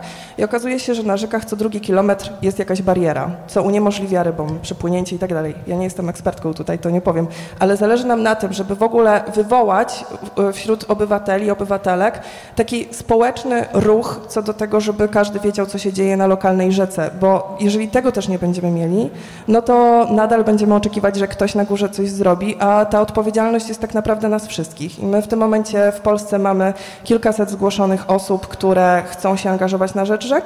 100 osób jest takich naprawdę super aktywnych. My te osoby też wyposażamy w sprzęty, szkolimy je i tak dalej. Więc to są takie trzy rozwiązania, które, z którymi my przychodzimy które po prostu też zbadaliśmy, że to one mają sens tutaj w Polsce do zastosowania. Basia, to ja mam teraz takie pytanie tak zwane, jak to kiedyś w Monty Pythonie było, a teraz coś z zupełnie innej beczki. No. Możesz być zaskoczona tym pytaniem, ale może na przykład jakby nie wszyscy sobie z tego zdają sprawę, na pewno nie zdajemy sobie z tego sprawy dogłębnie. Po co nam rzeki? Co one nam robią w tym naszym ekosystemie ludzko-przyrodniczym? No wszystko. Dają nam życie, Nie ma takiej ochłodę. odpowiedzi, nie przyjmuję. Są źródłem wody pitnej. To jest, to jest w zasadzie rzeki są rezerwuarem dla nas też wody no ktoś przyjdzie i powie tak, no dobra, no mówię o tych rzekach, ale są pilniejsze problemy, no lasy trzeba sadzić, no zawsze są nie pilniejsze wiem. rzeczy, oczywiście, że tak. No rzeki są super ważne, ponieważ są po prostu źródłem życia dla nas. Otwieram, nikt, z, kto z nas dzisiaj nie pił wody? No chyba każdy. Ona stoi na, na, naszym stole. Jeżeli będziemy traktować rzeki przez pryzmat tylko ekosystemu, to będziemy docierać też do wąskiej grupy ludzi. Musimy traktować rzekę jako wodę, jako w ogóle coś, co po prostu daje nam życie i to wtedy będzie dla nas trochę bliższe ciału. Po drugie też trudno trochę nam sobie, trudno nam jest empatyzować w ogóle z tym, co jest pod wodą, bo łatwo jest nam sobie wyobrazić, y, czy nawet no, po prostu wesprzeć, tak? Jakieś psy, koty, nawet zwierzęta dziko żyjące, rysie, wilki, ale czy ktoś z nas pomyślał kiedyś o adopcji jesiotra, który jest y, już gatunkiem, którego nie ma w zasadzie w Polsce dziko żyjącego? Nie, bo jest to po prostu życie pod wodą a to jest nam bardzo trudno sobie wyobrazić, bo my jesteśmy istotami, które żyją na ziemi i stąpają po tej ziemi, a to, co jest pod wodą, jest dla nas po prostu obce, trochę nieludzkie. I z tego, z tego względu też dla mnie rzeki są takim, y, są po prostu zupełnie innym środowiskiem, z którym być może trochę trudno jest nam obcować, ale z drugiej strony od niego bardzo mocno zależymy. Agnieszka, po co nam rzeki?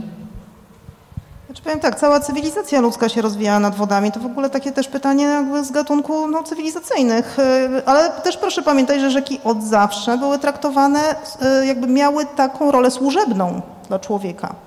Y, no to teraz trochę ostatnio my tak wchodzimy w taką, taką retorykę bardziej romantyczną, ale tak naprawdę rzeki były po to, żeby służyć ludziom. Tam się zrzucało nieczystości, tym się transportowało towary. Ja to się zawsze śmieję, że dlatego jeziorami się nikt nigdy nie przejmował, które ja z kolei kocham. No bo jezioro to tam, wiecie, na wakacje można pojechać. Nie, jezioro jest nieważne, ważna jest rzeka, bo rzeka jest gospodarcza.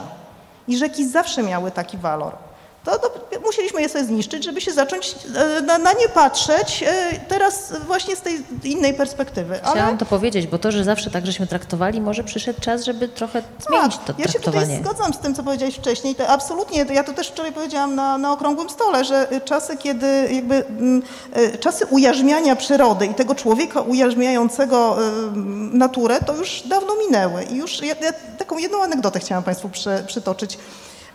W dawnych czasach, znaczy moja była najlepsza na świecie szefowa, nazwiska nie powiem, bo może sobie tego nie życzyć, znaczy nie, nie konsultowałam z nią, czy sobie życzy, więc nie powiem, ale kto mnie zna, to wie. Opowiadała taką anegdotę, jak była rozmowa o warunkach referencyjnych. I to były, jakaś, to były jakieś rozmowy tam w kilka krajów i jakoś tak się zdarzyło, że był też blok wschodni. Był chyba Rosjanie byli, czy któryś inny kraj wschodni. Już nie chcę teraz przeinaczać. I była coś takiego padło, słuchajcie, to nam pojedźmy do nich, bo oni mają dużo warunków referencyjnych, bo sobie jeszcze nie zniszczyli przyrody.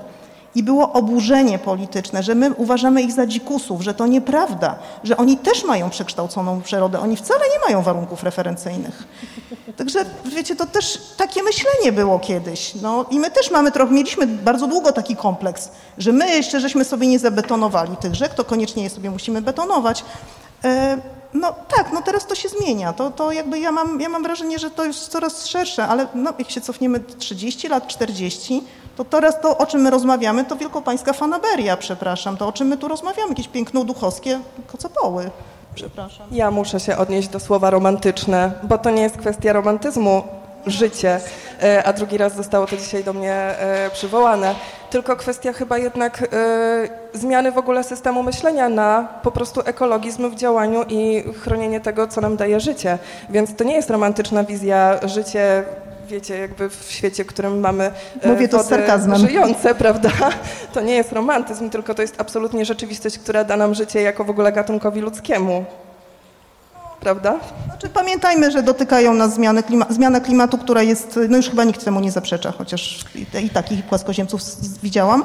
E, I, I, ja myślę, że w ogóle wątek wody, ja się też zgodzę z tym, że Odra to, co zrobiła, to zwróciła uwagę na wodę, bo ja sama tego doświadczałam. Przez ostatnią dekadę, słuchajcie, wdrożyliśmy ramówkę i trochę się zrobiło cicho z wodą. Już wodę mamy pozamiataną, tu już mamy legislację i tak dalej, dajmy sobie spokój.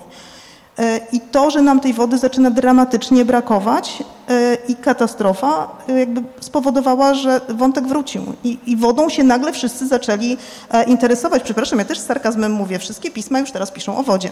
I oby pisały jeszcze więcej i bardzo Wam polecamy bardzo dobry i merytoryczny numer o wodzie, który przygotowało dla Was pismo.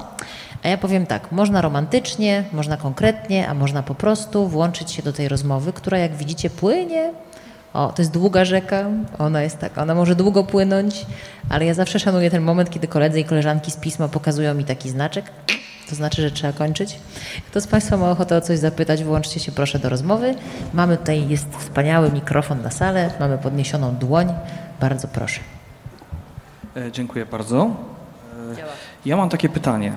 E, pytanie dotyczy Chciałem zapytać o, e, jak Państwo e, oceniają wpływ rolnictwa na stan wód, w szczególności e, czy zgadzacie się z Państwo z, z tezą, że jednym z głównych jakby zanieczyszczających Bałtyk jest rolnictwo, a to za sprawą tego, że mamy kraj rolniczy. Polska jest w 90% E, w zlewni Morza Bałtyckiego. E, z nawozów te biogeny idą rzekami, każdymi właściwie, do Bałtyku. E, biogeny zabierają tlen i przez to organizmy żywe umierają. Także jeszcze raz chciałem zapytać, jak Państwo oceniają wpływ rolnictwa na stan wód? Ja mam... Proszę. Ja mogę od razu powiedzieć, że to nie jest teza, tylko fakt, y, który ma potwierdzenie we wszystkich danych i bardzo łatwo to, to odszukać. Zresztą o przekroczeniach y, w biogenach możesz ty opowiedzieć, Agnieszka, bardzo pewnie dużo. Zdecydowanie jest to fakt. Rolnictwo ma ogromny wpływ na, y, na to, co się dzieje w rzekach, ale przede wszystkim, co się dzieje no, w Morzu Bałtyckim i problem eutrofizacji jest wciąż bardzo duży. No, oczywiście. Agnieszko, Bartku? Tak, ja się zgadzam, że to jest fakt. To znaczy, to nie jest opinia. To, to, to jakby ja tutaj bym z tym nie dyskutowała y, i ja bardzo lubię y, teraz jakby postulować, bo sama jestem współautorką niektórych opracowań. Y, idźmy w strefy buforowe i odgradzajmy rolnictwo od wód, bo im to na pewno pomoże. Tak, jakby tutaj ja nie kwestionuję w żaden sposób faktu, że rolnictwo ma wpływ. Ja nie, nie umiem powiedzieć, znaczy nie lubię operować wskaźnikami, bo wbrew pozorom ponieważ policzenie wielu rzeczy to jest bardzo duży szacunek zgrubny, to często są takie e, tak przemielone już dane, że wiele nie mówią, e, nie mówią o prawdzie, natomiast e, na pewno jest znaczny. Nie chciałabym powiedzieć jaki. To bardzo trafna uwaga, bo my tutaj cały czas o tym przemyśle i o kopalniach głównie rozmawiamy. Nie da się o wszystkim. E, Dziękujemy, że pan i- się dołączył. I, I ja faktycznie też w tym reportażu skupiłem się na tym, na tym Śląsku, czyli na Przemyśle. Em, Natomiast zaznaczam, że bardzo dużym źródłem em, związków fosforu i azotu jest, y, jest rolnictwo i, i, i krótko opisuję, z czym to się wiąże, a, a szerzej opisy, było to opisywane w cyklu zwierzobójstwo. Tam tych danych jest troszkę więcej, co, co nam robi rolnictwo w takim wydaniu, jakie, jakie mamy dzisiaj ze środowiskiem. Dzięki. Dzięki i za pytania i za odpowiedzi. Kto z Państwa jeszcze ma ochotę się włączyć do tego wartkiego nurtu dyskusji? Y, Ja mam takie pytanie, bo mimo tytułu jak chronić rzeki skupiliśmy się tylko na jednym aspekcie. Właśnie rozmawialiśmy o Odrze, o, o zasoleniu Odry i, i sprawcach tego, czyli kopalniach. Y, W optymistycznym, znaczy nie, to nie- nazywam tego optymistyczną wersją, ale n- nawet zapowiedzi rządu y, o zamykaniu kopalni przewidują, że 25 lat. To jest ten okres, w jakim mają być wygaszane e, kopalnie, czyli przez 25 lat teoretycznie jeszcze będziemy się z nimi męczyli, natomiast po tych 25 latach, może naiwnie wyobrażam sobie, że przestaną te zrzuty z kopalń e, trafiać e, do rzek, ale jeżeli to jest tak krótki czas, a gigantyczne pieniądze wiążą się z odsalaniem wody, to nikt nie podejmie takiej inwestycji teraz, jak rozumiem. Co się będzie działo z tą wodą, która przez kolejne 25 lat, upraszczam oczywiście, będzie płynęła do polskich rzek e, i je zasalała? Nikt jej nie podejmie nie dlatego, że to są gigantyczne koszty. Domyślam się, że jakby one były o połowę mniejsze, mniejsze, to również by ich nie podjęto. To nie jest kwestia samego rachunku ekonomicznego, tylko woli politycznej z tym związanej. Bo te zyski spółek węglowych naprawdę są bardzo, bardzo duże w porównaniu do kosztów, mm, jakie by przedstawiało, jakie, ile, w porównaniu do tego, ile by kosztowało e, zbudowanie systemu odsalania do poszczególnych e, kopalń. Tak, ale tu jest jeszcze jeden, jeden, jeden bardzo ważny aspekt, który, z którym mamy do czynienia również dzisiaj. Bo mogłoby się wydawać, że no, kiedyś tych kopalni mieliśmy znacznie więcej. Mieliśmy 70 bodajże kopalni, teraz chyba przetrwało 20. Więc mogłoby się wydawać, że tych wód y, dołowych mamy mniej. A jest odwrotnie, mamy więcej. Z dwóch powodów. E, Te kopalnie, które są zamykane, to nie znaczy, że one nie są już odwadniane. Najczęściej są. Z tego powodu, że szyby na Śląsku są zlokalizowane bardzo blisko siebie jeżeli zacznie, przestaniemy odwadniać jedną kopalnię, to wody z niej zaleją kopalnię sąs- sąsiadującą nadal czynną. E, To jest kwestia bezpieczeństwa po prostu e, ludzi tam pracujących. Więc nawet jak zamkniemy te kopalnie, to jeszcze przez długi czas będziemy musieli odciągać z nich wodę. I uciekł mi drugi wątek. Drugi, Przepraszam. Nie, to był, E, No tak, tak, tak, oczywiście, tak. My się to cały czas w, w, w tym węglu mielimy, ale chociażby KGHM przecież. E, oni też, no to największy zbiornik w Europie, żelazny most. Warto go zobaczyć chociażby na Google Maps. wiesz, kiedy y, uciekają wątki, jak jest wody za mało? A, jeszcze się... już mi się przypomniało. A druga sprawa, dlaczego tych, z, z tą solą jest coraz większy problem, bo kopiemy coraz głębiej i te wody dołowe są coraz bardziej zasolone. Ja chciałam powiedzieć, że tutaj, wiecie, my tutaj sobie popijamy wodę i mamy jej coraz mniej, a Państwo, jeżeli nie mają swoich butelek, to pewnie jeszcze nie popijają, a jest szansa na popijanie i chyba nie tylko wody. Więc yy, łapię ostatnie pytanie. W tej części, bo przecież nasi goście zostają jeszcze w tej części kuluarowej, po to jest premiera pisma, żeby, jak to się ładnie mówi, networking, czyli po prostu rozmowy dalej się toczyły, do czego będę zachęcać. Dzień dobry. E, Ja mam pytanie w duchu e, tytułu dzisiejszego spotkania, czyli jak chronić rzeki, co robić. E, Chciałam poprosić może głównie Panią z WWF-u o to, ponieważ powiedziała Pani, że macie taką listę rzeczy, które są przygotowane do wdrożenia. E, Z dyskusji rozumiem, że chciałam po prostu po- poprosić o to, żeby się pokusić o wymienienie pięciu priorytetów, pięciu najważniejszych rzeczy, które w pierwszej kolejności powinny być zrobione. Z tej dyskusji ja wnioskuję, że systemy odsalania kopalń, takie jak funkcjonuje jeden, tak jak Pan powiedział, pewnie wśród nich się znajdzie, ale będę bardzo wdzięczna za bardzo konkretne powiedzenie, co jeszcze. No ja przepraszam, nie powiem pani pięciu, bo ja zajmuję się partnerstwami strategicznymi, nie jestem ekspertką od rzek, ale powiem, jak nazywa się dokładnie dokument. Jest to Biała Księga Polskich Rzek, ale pierwszą rzecz, którą e, należy zmienić, to przede wszystkim e, odpowiedzialność za rzeki w Polsce. E, I, i to, do tego e, to, to jest naszym największym konkretem, czyli do właściwego ministerstwa przywrócić po prostu rzeki z Ministerstwa Infrastruktury do Ministerstwa e, Klimatu i Środowiska. Więc nie wiem, co mogę więcej powiedzieć A ja w się, tym ja momencie. się dokleję do tego pytania od Pani, jeśli mogę, bo spokojnie zostawiałam to dla Państwa na taką truskawkę na torcie według Tomasza Hajty, a mianowicie to spotkanie nazywa się Jak chronić rzeki. No to jak chronić rzeki? Ja Was nie pytam o ministerstwo, GIOŚ, ja, nas, ja Was pytam o nas, bo lubimy sobie popłynąć kajaczkiem, lubimy sobie posiedzieć nad wodą, bo nad wodą człowiek się lepiej czuje. Co możemy zrobić, my jak tu sobie siedzimy, żeby tej wodzie też u nas było dobrze? Ale mówimy tak ogólnie, czy mówimy każdy z nas po kolei? Czy, No znaczy nie, pytasz, no. o, pytasz jakby co jest kluczem do ochrony rzek? Ja, Nie, pytam o naszą perspektywę ludzką, człowiekową. Napisałaś tekst o 10 największych grzechach, O nie, to skala, skala, skala mikro, to znaczy generalnie są dwa ale aspekty. skala mikro, bo ja wierzę, że jak nasza skala mikro będzie działać, to makro się powiększy. Niekoniecznie właśnie. Znaczy, znaczy, to nie wiem. Znaczy, ja, ja też bardzo lubię powiedzenie zacznij od siebie, E, bo to tak najgorzej jest, jak się tak mówi inni, inni, ale samemu się grzechy popełnia, więc ja, ja lubię mówić o tym, że e, my też musimy uważać na to, co robimy w środowisku, nawet jeżeli to jest skala mikro, ale są dwa klucze tak naprawdę, znaczy dwie, dwa aspekty. E, Ładunki czegokolwiek bądź, które muszą być redukowane. E, Mówię takim bełkotem może trochę, ale chodzi o to, że dokładanie do ekosystemu substancji, e, których tam albo nie powinno być, albo nie powinno ich być wcale, albo za dużo. Czyli wszelkiego rodzaju nawet nasze dokładanie detergentów, nasze do, dokładanie em, nieczystości, ścieków, mycie samochodów koło, koło e, wód i tak dalej. No, Szanowni Państwo, lista jest ogromna. Czyli ch- jak chronić rzeki?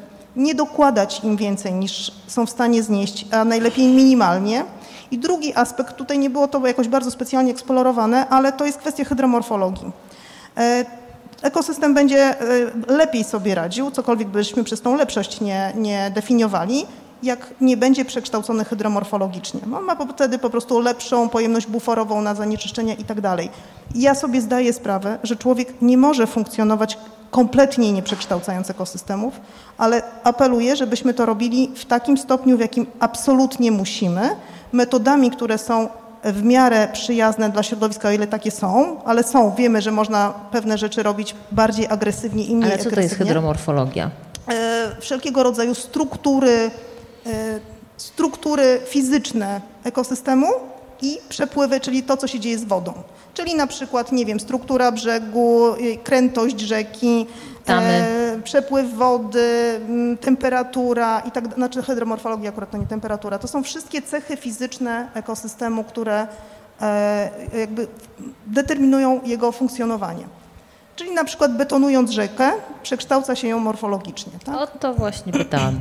Bo ja też chciałabym się wytłumaczyć z tego naiwnego pytania, jak chronić rzeki, bo Państwo, my tutaj robimy taki audyt po premierach pisma i my wiemy, że Państwo chcą stąd wychodzić nie tylko z wiedzą, jak nie działa system, ale też z wiedzą, co możemy ewentualnie zrobić, o ile w ogóle cokolwiek. No bo tak to byśmy zakładali, że nic nie zrobimy, wszyscy umrzemy i koniec, pakujemy się do trumny. Więc Bartek, jak chronić rzeki? Jak chroni rzeki Bartek Sabela, poza tym, że napisał dobrą soczewkę pisma? Dziękuję. Wiesz co, wydaje mi się, że z mojej perspektywy to takie trzy główne rzeczy. E, Na pewno bardzo fajnie jest zacząć od siebie. E, I to sprowadza się do edukacji. Edukacja jest procesem długotrwałym, ale najbardziej skutecznym. I opowiem taką dygresję. Ostatnio byłem na Mazurach i zachód słońca, piękne jezioro Święcajty i w ogóle. I gość, który przy samym brzegu przez, nie wiem, dobrą godzinę zasuwa na skuterze. Niestety jest to legalne na Mazurach. No i gdy on spływa, to stwierdziłem, że jednak pójdę jakoś zareagować i zwrócić mu uwagę. Podchodzę do niego i mówię, słuchaj, wiesz co, taki zachód słońca, tutaj ludzie sobie siedzą, domyślasz się, po co oni tu siedzą? A ja mówię, no, nie, nie był w stanie odpowiedzieć, więc mu powiedziałem, no bo szukają ciszy i spokoju i chcą zobaczyć coś ładnego. No, no, co on mówi, ale jezioro jest po to, żeby jeździć. No i wtedy zrozumiałem, że się nie dogadamy. E, więc edukacja. E, drugą sprawą e, to, to jest prawodawstwo. Tylko niestety mamy tego pecha, że żyjemy w państwie, w którym to prawodawstwo musimy sami wymusić, przynajmniej na razie. Mamy rząd, którego najmniejszym priorytetem nie jest dbanie o środowisko. Więc presja na, na, na, rząd jest y, moim zdaniem super ważna, na wszelkie możliwe sposoby i tutaj pewnie e, WWF mógłbym o tym dużo powiedzieć. A trzeci? Powiedziałeś, że trzy elementy. Presja, prawo, tak? Nie? I Presja, prawo edukacja. i Dobra. edukacja, tak. Dobrze. No ja chętnie. Tak? w tym akurat mogę trochę powiedzieć. E, jeśli idzie o taką odpowiedzialność też człowieka, mm, dosyć też popularne jest spychanie na tą jednostkę tej odpowiedzialności. Ale że przecież my ale... nie o spychaniu mówimy. No spokojnie, spokojnie. E, dojdziemy do tego. Oczywiście każdy z nas też ma tą swoją wrażliwość i odpowiedzialność. Tutaj mamy osoby, które są wykształcone, czytają, interesują się i są też świadome i mogą zostać wolontariuszami albo na rzecz rzek, albo na rzecz wody, jak Państwo sobie wybierzecie. Jeżeli lubicie przebywać nad wodą, nad rzeką konkretnie, możecie zostać strażnikiem rzek. Czyli, bo tu wszyscy WF. będą, kto nie lubi, wiesz. Zapraszam.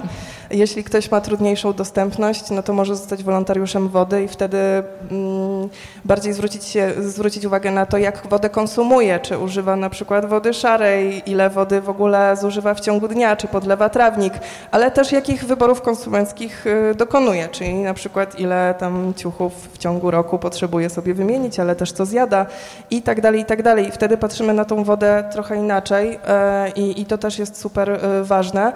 E, a propos edukacji, to, to też jest wątek bardzo ciekawy, bo ja się zgadzam absolutnie, że potrzebne jest uzupełnianie wiedzy i rozpoczynanie procesu świadomościowego, jak najbardziej, z tym, że to nie jest jedyna ścieżka, która, która nam coś da, dlatego że w Polsce, to według badań Kantara akurat, konsument y, żyje taką ekologią wygodną, czyli wie, że jest problem, e, ale lepiej by było, gdyby ktoś inny jednak zajął się rozwiązaniem tego problemu, więc nie zaczynamy od siebie w Polsce. To, to jest taka e, łuda trochę, że my tutaj jesteśmy już wysoko cywilizowanym społeczeństwem, więc będziemy dbać o, o, o, rzeki, o wodę i w ogóle o ekologię, bo to jest po prostu XXI wiek. To jest tylko perspektywa wąskiej bańki w Warszawie, e, a jednak ludzie chcą, żeby po prostu ktoś myślał za nich i, i stąd jednak my, jako osoby myślące, bardziej świadome, y, możemy wpłynąć po prostu na rząd. Możemy wpłynąć y, poprzez swoje wybory, poprzez egzekwowanie konkretnych, y, konkretnych postulatów czy wdrażania konkretnych zmian w systemie. I to jest to, czego, co, co powinniśmy my, moim zdaniem, też, też robić jako osoby dorosłe, świadome. A ja Państwu życzę na koniec tej debaty, żebyście dzisiaj pijąc wodę, poczuli jej życiodajny smak i ją docenili bo cieszymy się, że ją mamy. Może być różnie. Agnieszka Kolada, Bartek Sabera, Barbara Dąbek. Wielkie brawa dla Was i podziękowania. Dziękuję.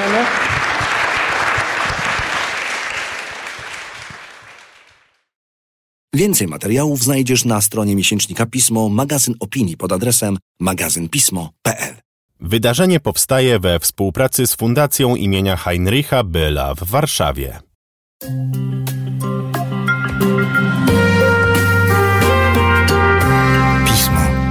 Magazyn opinii.